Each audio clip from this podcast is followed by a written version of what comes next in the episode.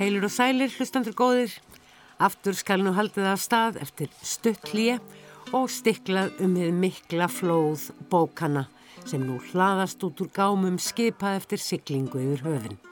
Það er þó ekki einlýtt að allar útgáfu bækur á Íslandi séu prentaður í útlandum og það er einmitt einn slík bók á dagskrá þáttarins orðum bækur í dag og það sem meira er, hér er á ferð velunabók en í liðinni viku hlaut Natasja Stolineova, Natasja S. Verlun Tómasar Guðmundssonar og í sömu mund kom velunabókin Máltaka á stríðstímum út hjá önnu útgáfuhúsi. Við ræðum við Natasju hér á eftir um máltöku á stríðstímum um að yrkja ljóð á tungumáli sem er ekki móðurmál um rætur og rótarskot og ímislegt fleira. Þá verður haldið áfram að fletta bókum úr þeim álitlega hlaða tilnefndara bókmyndaverka til bókmyndaveluna Norðurlandaráðs 2022 en nú stittist verulega í að verluna hafar allra verluna Norðurlandaráðs 5 að tölu verði gerðir heyrinkunnir á mikilli gala veluna hátið í tónlistarhúsinu í Helsingi þriðjudaginn 1. november. Undanfarnar vikur hefur verið rætt við bókmynda umfjallendur á útvarstöðum og norðurlöndum og aðra sérfræðinga um bækurnar sem hinn ímsu lönd tilnefna og í síðri hluta þáttarins er komið að hinn er einslu miklu mörtu Núrheim hjá Norska ríkisútvarpinu NRK. Bæði verkin sem normenn tilnefna til hérna gammalgrónu verluna þessu sinni leika hvort með sínum hætti með æfisöguformið og annar höfundana má vera íslenskum lesendum að góðu kunnur en það hafa nokkrar bækur eftir Linn Ullmann komið út í íslenskri þýðingu. Síðast var það hinn órólegu fyrir fjórum árum um fræga foreldra Linnar Ingmar Bergmann og Líf Ullmann meira um tilnefningar normanna í síðari hluta þáttarins.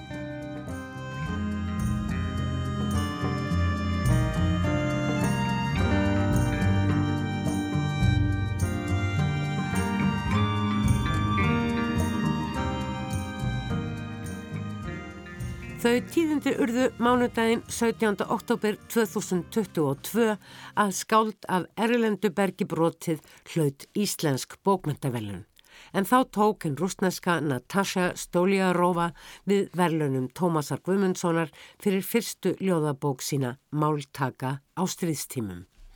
Natasja hefur á síðustu árum verið nokkuð ábyrjandi í öllvaksandi hópi, skálda og riðtöfunda á Íslandi af erlendum uppruna.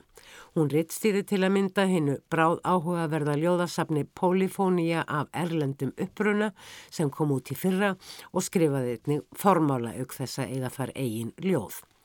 Alls munu að þessu sinni 62 handrit hafa verið sendt inn í sandkeppnina um verlun Tómasar Guðmundssonar sem voru fyrst veitt árið 1994 og þá fyrir handrit af skáltsögu og skildu veitt þá annað hvort ár.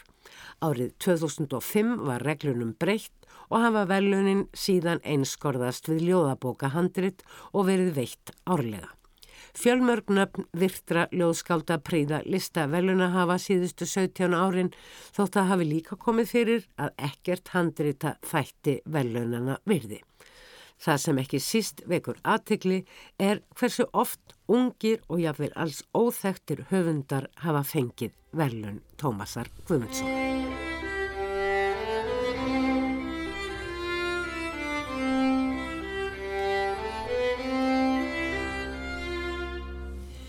Ég verð skáld á nýju ári, hugsaði Natasha S. á nýjárstag 2022 eftir að hafa tekið þátt í ljóðaupplæstri 25 ljóðskálda í Gröndalshúsi frá sólar uppbrás til sólarlags á þessum fyrsta degi ásins. Og svo varð. Og nú er komin út ljóðabókin Máltaka á stríðstímum. Bók sem er svo margt í senn. Minningabókum Ullingsári í Moskvu fulla þrá og vissu um framtíð í frelsi og aðtapnasemi til allra átta en líka uppgötvanir um að ekki allt gengur upp eins og ætlað var. Inn í þessar minningar blanda svo stríð, alvöru stríð. þegar hermönum með tilirandi vopnir aftin í nágrannarland að ráðast á allt sem fyrir er, manneskjur, skeppnur, mannvirki og það er öskrað í fjölmiðlum eitthvað óskiljanlegt um nöðsinn einmitt þessarar sérstöku aðgerðar.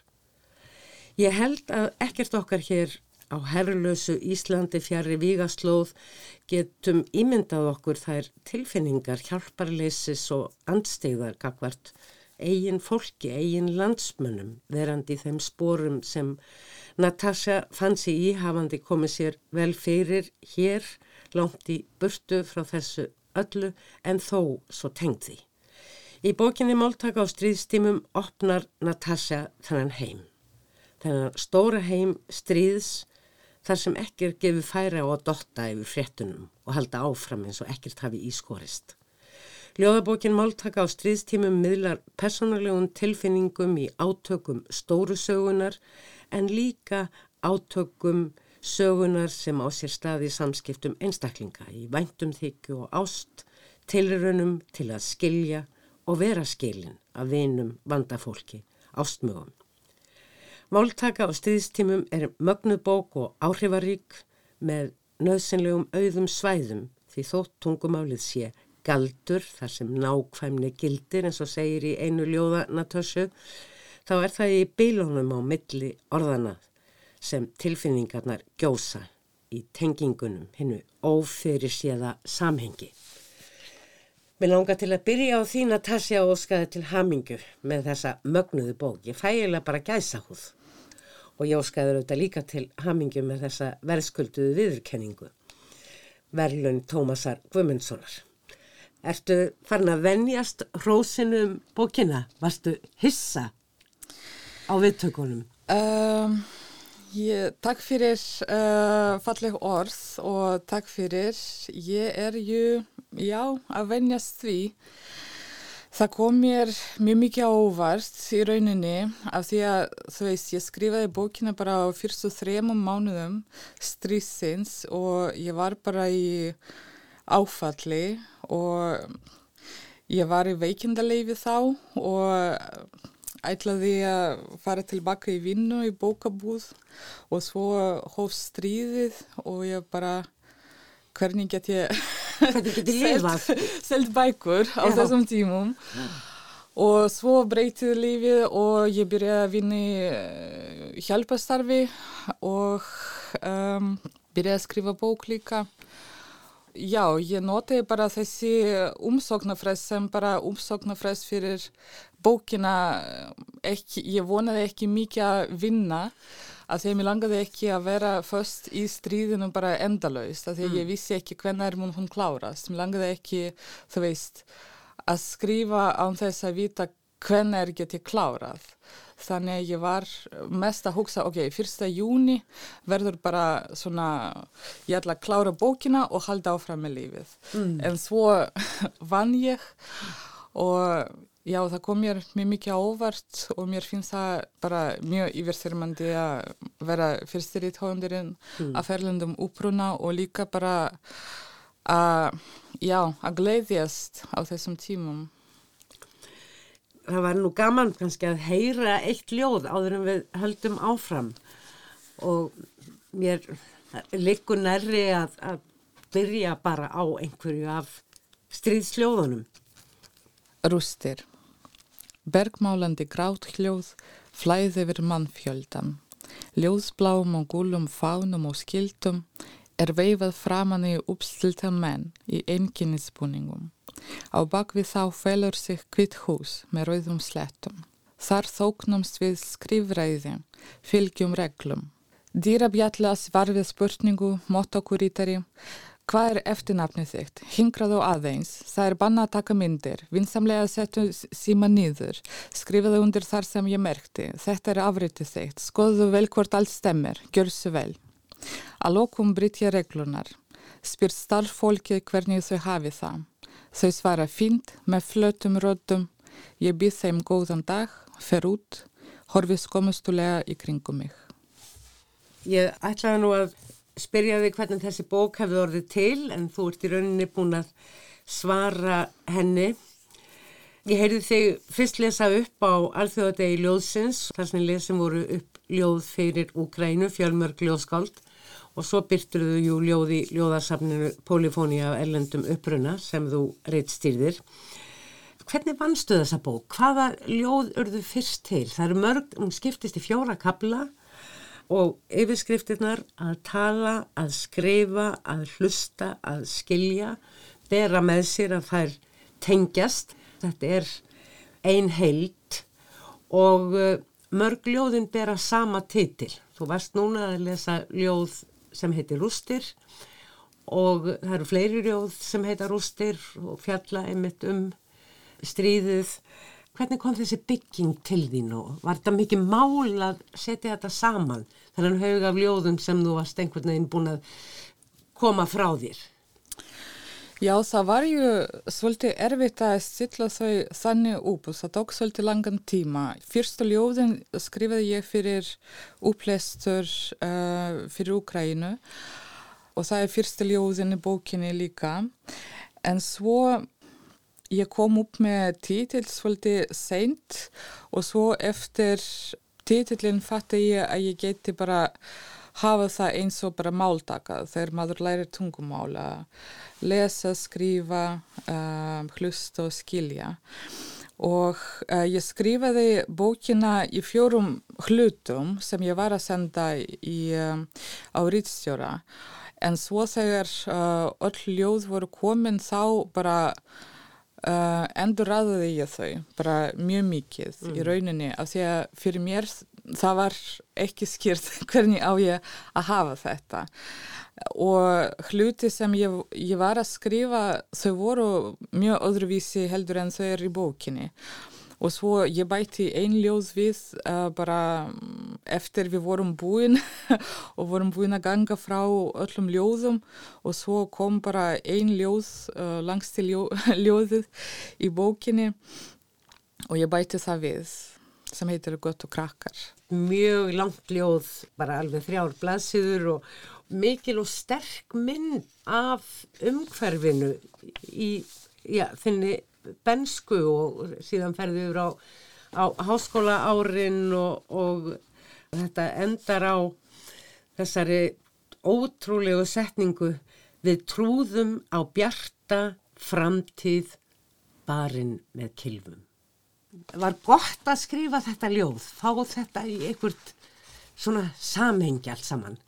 Þú talaður um það í uh, þakkaræðinu þessi, að skrifa þessi ljóð hefur verið eins konar sjálfshjálp og sem ljóðana bera líka þann titil, sjálfshjálp.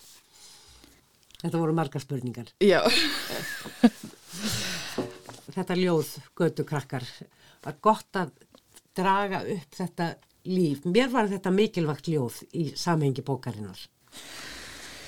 Já, þetta er uh, sem sagt síðustu ljóði sem ég bætti við í bókina og á einhvern hátt mér fannst eins og ég bara fattaði þú veist að það var bara í kringum okkar allt okkur æfi og var bara að fylgjast með okkur á meðan við vorum að alveg stúp samt það var bara hluti af lífinu okkar sem við tókum ekki til alvara kannski. Mm -hmm það er frekar kallt í Úslandi en uh, fólk uh, eðir mikið tíma úti bara veist, eins og ég gerði. Ég var með mjög stór uh, vínahóp og við vorum bara að hanga bara út um allt alltaf. Og það var bara mjög gaman og á Hallarisplanun í Moskvu.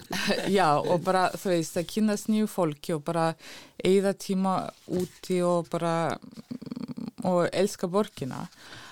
Og það var bara sama staðir sem voru hlýjar í okkar hjörtu uh, orðnar bara að mm, staðir fyrir mótmælingar. Og mm. áður en ég flutti til Íslands ég, ég var að mótmæla svolítið mikið og það, var, það voru fyrstu mótmælingar í Rúslandi uh, í svona nútíma sögu og það var mjög áhugavert og mm, gaman að sjá svo mikið af fólki og við trúðum að það er hægt og núna það er svo mikið af fólki og það verður verðan framtíð en svo þú veist fólk var barið með kilvum og mm. fóru fangelsi og þetta kláraðist aldrei og tíu árum setna við sjáum þú veist hvar við, við erum að sjá þetta frá nýju sjónahortni fyrir mm. mér að mm. sjá að það var bara ekki það er samhengi í þess að allir saman já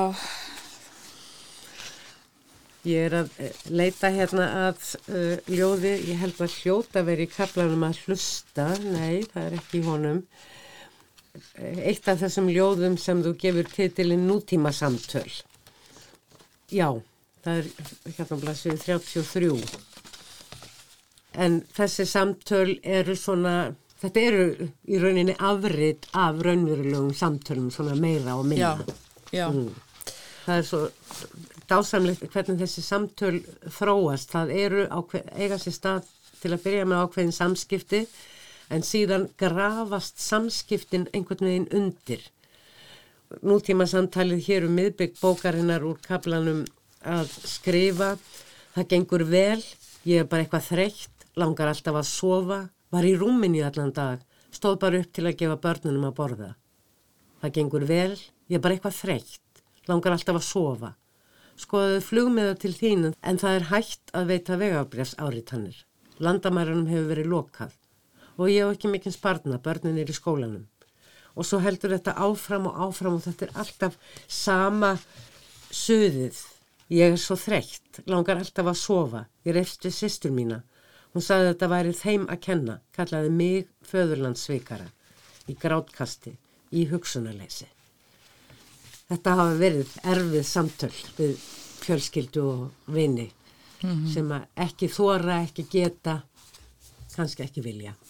Já, mér finnst það líka partur af því að sjá þetta úr fjárlægs og mér finnst það bara óbúslega sorglegt að sjá vinir mínir sem er á móti en geta ekki gert neitt um, og þau bara ofbúslega þunglind. Ljóðið. Þú varst nú fann að hugsa svolítið um ljóð og í ljóði áður en allt þetta skellur á. Já, ég skrifaði ljóð fyrir Polyfóniu sem kom út af fyrra og þetta var í rauninni svona fyrstu ljóðin sem ég skrifaði á íslensku Hafður þið skrifað áður á rúsnesku ljóð? Um, Bara bladagreinar og svo leiðis? Já, nei ekki mikið, kannski svona, já. Og svo mér finnst auðveldar að skrifa prósi rúsnesku eða greinir en ég uppgötviði samt hversu skemmtileg það er að leika með orðum og kannski á einhvern átt líka auðveld fyrir innflytjandi sem á ekki íslensku sem úðurmáli að leika með þá annan hátt eins og eh, Íslandinga gerir. Þa, þar hendar ljóðformið vel? Já, mér finnst það nefnilega. Ég bjóst aldrei við til að veist, vera ljóðskald sem skrifa á íslensku bara en það bara gerðist. Mm. Það er alheimur kannski.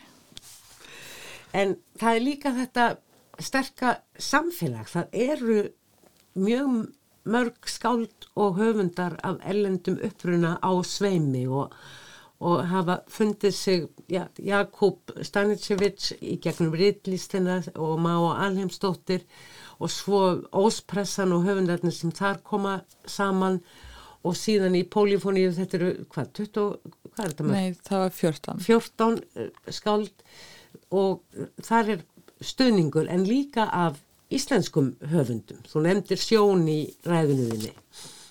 Já, mér finnst það líka bara kannski partur af meningu.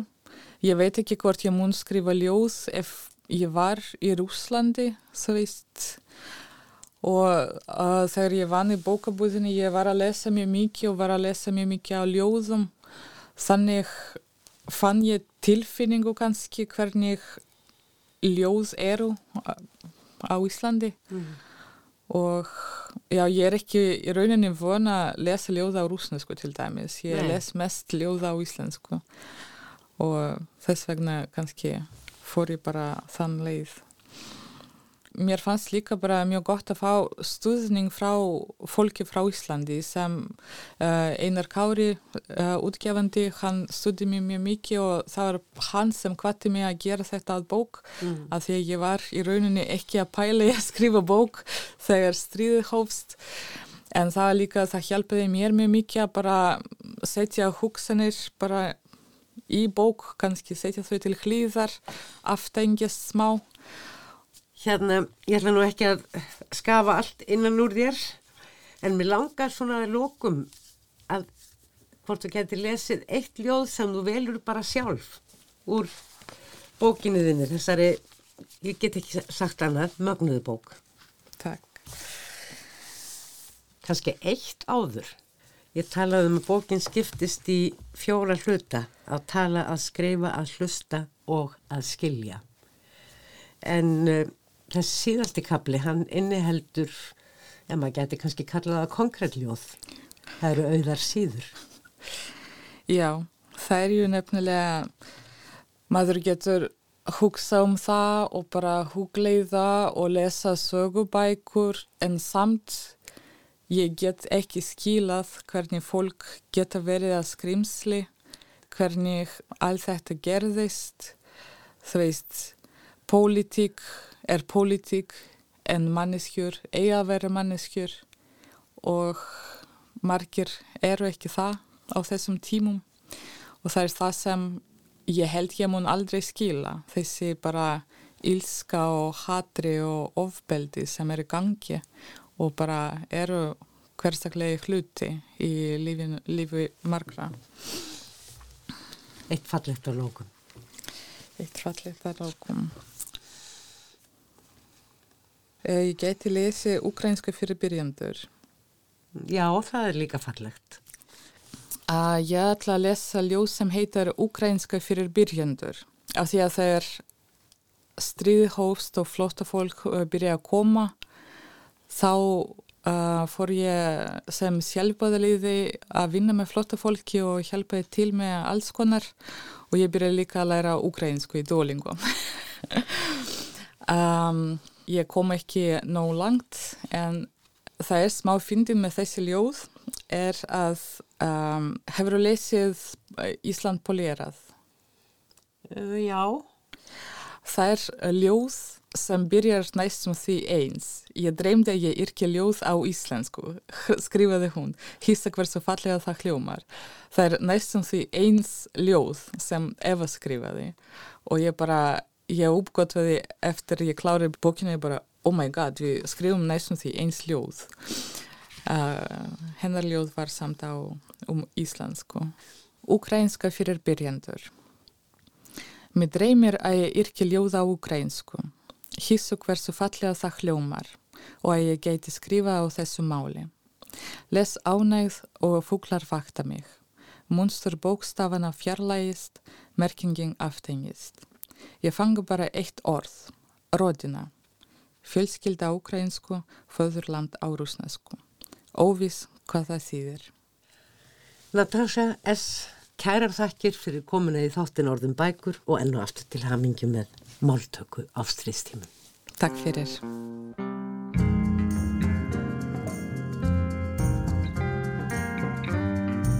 Bókmyndaverkin 2 sem norðmenn tilnefna til bókmyndavellunar Norðurlandaráðs árið 2022 er auðvelt að setja undir hatt æfisagnareitunar.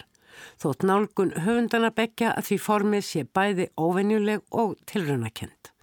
Linn Ullmann hefur áður verið tilnefn til bókmyndavellunar Norðurlandaráðs árið 2016 fyrir skáldsöguna Hein Órólegu sem árið 2018 kom út í íslenskri þýðingu Ingi Bergar Eithórsdóttur. Svo bók er sannarlega æfisöguleg, sögusviðið Eian Fóru sem stundum er kallið Eianans Bergmanns en þar átti fadir Linnar leikstjórin frægi Ingmar Bergmann sér atkvarf og þar dvaldi Linn oft hjá honum. Í bókinni sem nú er tilnemd Jente 1983, Stúlka 1983 er hins vegar eitt tiltekið raunverulegt atvik í brennidepli og það líst upp frá ólíkum sjónarhornum með aðferð skálskaparins um leið og frásagnar aðferðin og virkni minnisins er gömgeð. Hinn bókin sem normen tilnefna, Historien om G, er líka íhugul varðandi frásagnaraðferðina. Í þessu tilviki við að segja sögu hóps fólks fjölskyldu á ákveðnu tímaskeiði. Hér eru personurnar líklega skáldaðar þótt aldrei sé gott að segja í bókmyndaverki hvað sé skáldað og hvað raunverulegt. Mjög áhugaverð verk bæði tvö og ólík og sem fyrr í atrennunni að því að kynna íslenskum lesendum bækurna sem tilnemdar eru til bókmyndavælunar Norðurlandaráðs fekk ég kollega í viðkomandi landi til að ræða við mig um tilnemdu verkin og hjá Norska Ríkisútvarpinu NRK er það Marta Núrheim. Jeg heter Marta Núrheim. Jeg er litteraturkritiker i NRK, Norsk Rikskringkasting, mest på radio og nett, av og til også på TV. Marta er sem sagt bókmyndagagrinandi hjá Norska ríkisútvarpinu og hefur gengt í starfi í nokkra áratvíi, ef markam á Wikipedia og oftar en einu sinni fengið verðlun fyrir. Við Marta byrjuðum á því að ræða um bók Linnar Ullmann, Jente 1983, sem er einhvers konar sannsaga, skáld, æfisaga eins og sumir kalla og leiðir hugan óneitanlega að síðustu bók Linnar á undan þessari, hinn órálegu. Mörtu þykir ekki skrítið að mér skulle hugsa til þeirrar bókar um leið og hún understreika hversu ólík þessi verk séu. Ja, på en måte så er det det. Eh, samtidig så er det veldig ulike bøker. Altså i Jente 1983, der er det en spesifikk historie Í Jente 1983 segir Marta likur jú einn ákveðin atbyrður sögunu til grundvallar. Skýta viðbyrður, eins og höfundur nefnur hann, og gerist á Hotel Herberg í París þegar 16 ára stúlka er mögulega að hefja feril sem ljósmynda fyrir setta. Hún lendir upp í rúmi með ljósmyndaranum, atbyrður sem hinn 53 ára gamlu höfundur er eiginlega búin að gleima en tekur nú að grafa eftir. Hinn óralögu, segir Marta, fjallar um lengra tímaskeið og samhengi á milli atbyrða. Hér er það hvað gerðist 1983 sem er stóra spurningin. Tidsforløp, mens her er det akkurat det der hva skjedde i 1983. Til að undirstryka skáldsagnar eðli bókarinnar heldur Marta áfram heitir svo aðalpersonan ekki Linn heldur Karin og að hún skulle enda í rúminu með hún nærfælt þrefalt eldri ljósmyndara opnar jú á margþætt samhengi. Altså nå heter ikke hovedpersonen i denne romanen eh, Linn, hun heter Karin. Eh, og Linn Ullmann er nok ganske opptatt av at eh, dette er en roman, en type erfaringsbasert roman, en autofiksjon. MeToo eru þetta ekki langt undan en líka tilfinningar og markmið ungu stúlkunar sem á þessum tíma þráði glæstan ferir ljósmyndafyrirsætu en segir nú frá 54 ára gömul og skýrist þá ekki við að grafast fyrir um allt og segir beinlinni sperum orðum ég vildi vera aðdráttaraflið miðpunkturinn markmiðið fyrir þrá annars. Og hun skriver for eksempel Jeg ville være objektet, midtpunktet, målet for en annens begjær. Eh, og hun skriver også at denne 16-åringen eh, banka på døra til AS. Á öðrum stað segir frá hvernig svo 16 ára bankar upp á vinnustofu ljósmyndaran sem miðjanótt og er fljótlega komin upp í rúmi hjá honum. Eftir að hafa skoppað um með rauða húfa og höfði sem móðurinnar hafði gefið henni. Er hér rauð þetta lifandi komin sem leggst sjálfvilju uppi til úlsins? spyr Marta Nordheim. Til uh, ulven. Og da blir det en, historie som, som uh, vakler uh, litt grann, og det gjør etter mine begrep boka også veldig interessant. Þetta er auðvitað mikil tvístig, segir Marta, sem að hennar mati gerir verkið engar áhugavert. Aðspur hvort þessi nálgun hafi vakið umræðu í Noregi, segir hún, svo eiginlega ekki hafa verið. Ikke akkurat den tingen, tror jeg. Sånn som jeg husker det, så, så var det mange som syntes at det hun gjorde var en, en spennende ting. Þessi nálgun þótti aðteglisverð, segir Marta Nórem, en það mýtú sannlega undir líkjandi í frásögninni allri. En höfundur vil gömgæfa allt axla einhvers konar ábyrð líka á því að hafa sjálf tekið þátt í skítasögunni eins og hún kallar þennan atbyrð. Kanski má líta á þetta allt saman sem rannsók og sálfræðina baki sem einhvers konar leið til hreinsunar, til að finna ró. Kanskje kan uh, bli uh, et, et, mer harmonisk menneske, altså at man kan løse opp en eller annen type knute som ligger i, i uh, ungdomstida hennes. da. En það er ekki bara hinn innihaldslega nálgunaðefni bókarinnar, heldur einnig hinn formlega sem er áhugaverð. Þegar ég fletti bókinni dætt ég inn á lýsingu á ljósmynd sem höfundurinn reynir að fiska upp úr minni sínu. Myndin er ekki lengur til og höfundur man ekki eins og hvernig hún lítur út, kannski aldrei séðana. En höfundurinn man þó hvernig ljósmyndarinn hagrættu öllu fyrir tökumyndarinnar sem eiginlega skildi jú varð þetta. Það varveittist eins og er ekki neitt, að minnstakosti ekki fyrir þá sem myndin síndi. Marta Núrheim sammála því að hér sé á ferð sterk myndkverfing um einmitt byrtingarform minninga í skálskap. Ja, i aller högste grad, og dette er nok et svært viktig poeng for Linn Ullmann. Eh, hun bruker også eh, det grepet i eh, De urolige, at hun hele tida stiller spørsmål. Ljósmynd gegnir líka líki hlutverki í bókinu hinn órólegu til sannindis um hvernig hlutir hafi virkilega verið eða er það oft einmitt það sem ekki er syngt á ljósmynd sem afhjúpar hefur önverulega. Og, og la et bilde som er en sånn nøkkelting i historien ved fraværende er jo òg en veldig sterk metafor for nettopp dette. Annað sem vakti aðtegli mína við að blada í bókinni Jente 1983 eftir Linn Olman er að hún vittnar í ymsa höfunda sem hafa lagt fyrir sig sannsöguleg skrif, meðal annara Annie Ernaux, nýjasta Nobelsvelunahafan, sem mikið hefur skrifað um eigin líkamlegu upplifanir og segir á einum stað, samkvæmt Linn Olman, þetta kom fyrir mig til þess að ég skrifaði um það. Det er nok viktig for henne å, å påkalle disse her eh, kvinnelige forfatterne som har eh, gjort noe av det samme som hun sjøl eh, arbeider med. Og det jeg leser mellom linjene, er en setning som går slik. Þetta er litteratur. Marta segir Linn Olman augljóslega mikilvægt að vísa til ímissa kvenn ritturunda sem hafa skrifað sögur með áþekkum tengslum með raunveruleikan og hún ástundar sjálf í þessari bók og undirstryka þannig að hér séu bókmöntir og ferð. Kanski ekki skrítið, segir Marta, Linn var jú vel þekkt sem dóttir fóreldra sinna þegar hún byrjaði að skrifa og öllum þótti sem þeir þekktu hana út og inn. Líf Ullmann og Ingmar Bergman før hún blei en forfatter sjøl. Og det å liksom føle at alle mennesker tenker at de kjenner henne. Varðandi stílinnar Úlmann í þessari bók staðfestina Marta Núrheim að hann sé íhugull, miðli talsverðri umhugsun um það hvernig innihaldi frásagnarinnar skulle komið á framfæri. Ja, det er en veldig god formulering, fordi at uh, du har jo denne her uh, voksne kvinna som Íhugull er ágættis orð, segir Marta. Höfundur ferju inn í eigin minningar, hnetar í kringum þar ring eftir ring til að ná í raunverulega allt sem heyrir skítasögunni til. Det er, det er, nettopp, eh, det er en sirkelbevegelse nesten der, der du, der du stadig kommer nærmere eh, det som kan få dritthistorien. Bækur eftir Linn Ullmann hafa náttúrulega frá upphafi vakið aðtegli í Noregi og víðar um lönd.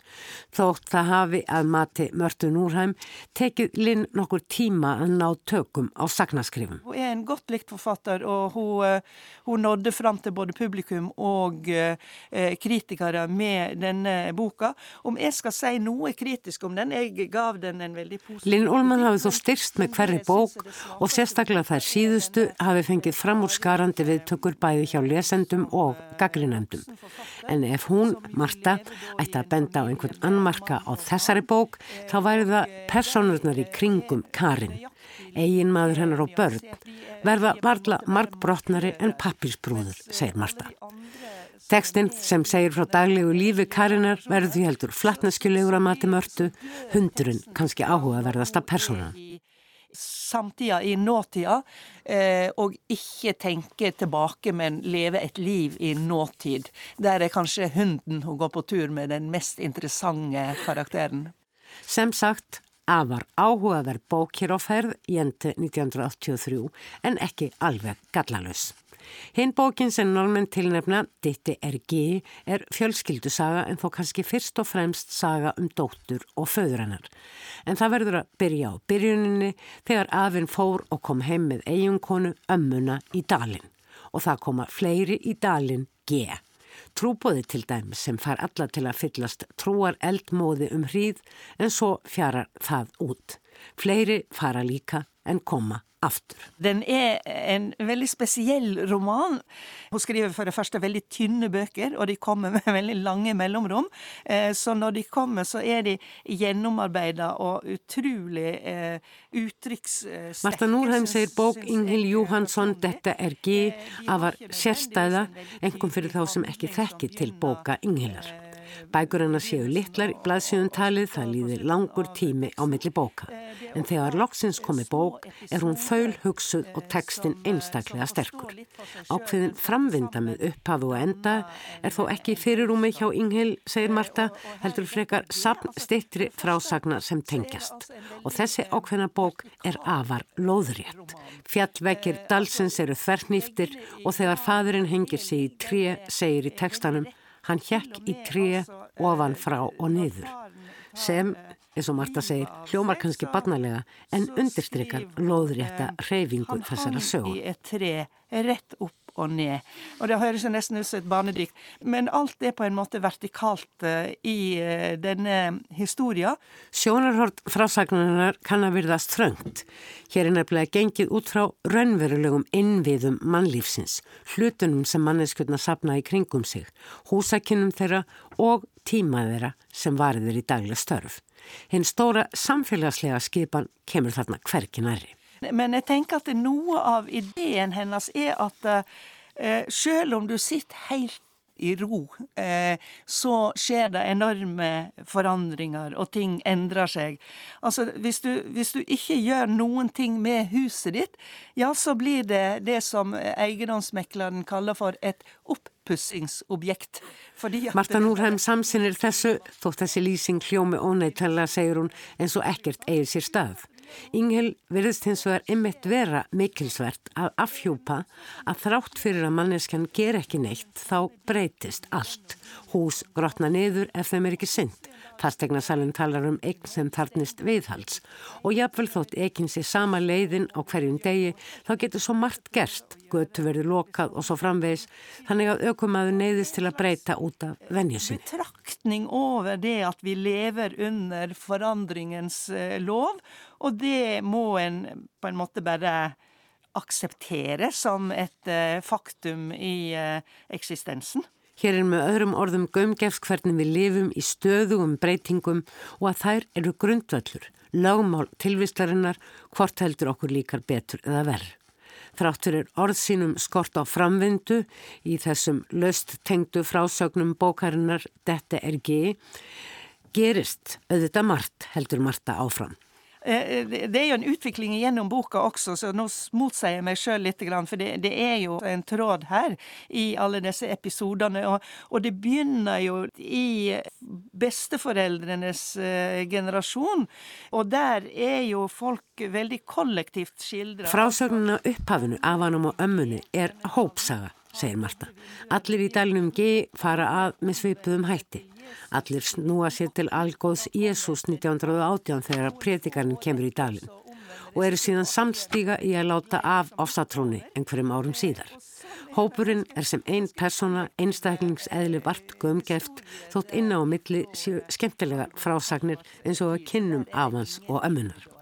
Eftir því sem frásögninni vindur fram í tíma, segir Marta, verður hún svo raunsæri og meiri áhersla á einstaklingin. Dótturina sem sagan snýsta mestu um og hvernig hún stendur anspænis fjölskyldu húsinu sem fastegnasalinn hefur stimplað að þartnist viðhals. Tímin vinnur og hlutirnir, dótið sem tekið er saman fyrir flutninga, minnir helst á gravarfund frá fornum tímum stakir hlutir sem áður áttu sér hver sinn stað inni í ákveðnu samhengi, ákveðnu húsi. Flyttelasset mitt ser litt ut som et gravfunn fra oldtiden.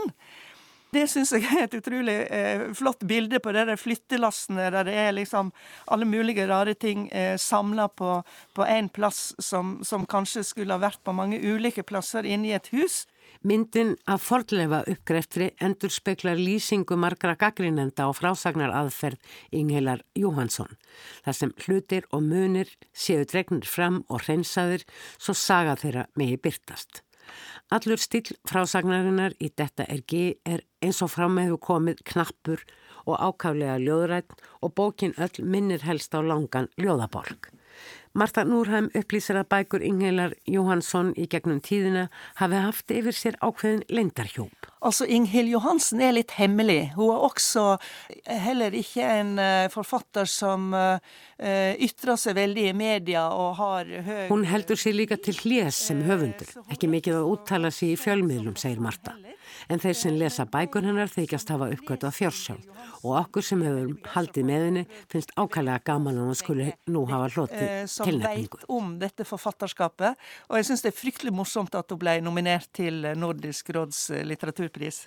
Ekki vildi Marta Núrheim viðurkennaða með þessum báðum tilnefningum vildu norðmenn sína fram á að í Nóriði væri skrifaðar annars konar minningabækur og æfisögur um eigið líf og annara en Karl Ove Knóiskold gerir om det er å, å, å vise at uh, norske forfattere har også andre måter å skrive på erindring på enn Knausgård, det skal jeg ikke si. Jeg vil tenke at det de gjør, er å rett og slett uh, prøve å finne et par uh, interessante bøker. Miklu fremur væri hér á færð bækur sem í krafti þess að vera framúrskarandi bókmættir, ættu möguleika á að vinna í svo sterkri samkeppni sem þessari og nefndi hún sérstaklega meðal annara tilnemdra bóka hinn að dönsku Adam í Paradís sem og þá finsku Röda Rúmet og síðast en ekki síst Löpa Varg. Það gæti orðið sögulegt, segir Marta, ef svo bók inni Þá væri hinn tæplega nýraða Kerstin Egman fyrsti höfundurinn til að hljóta bókmyndavellu Norðurlandaráðs tvísvar. Hun er nærme seg vel 90 år, og som uh, har vunnet prisen før. Og hvis hun vinner prisen denne gangen, så vil hun bli den første i verdenshistorien faktisk som vinner prisen to ganger. Hun er òg en veldig sterk kandidat med boka 'Løpa varg'.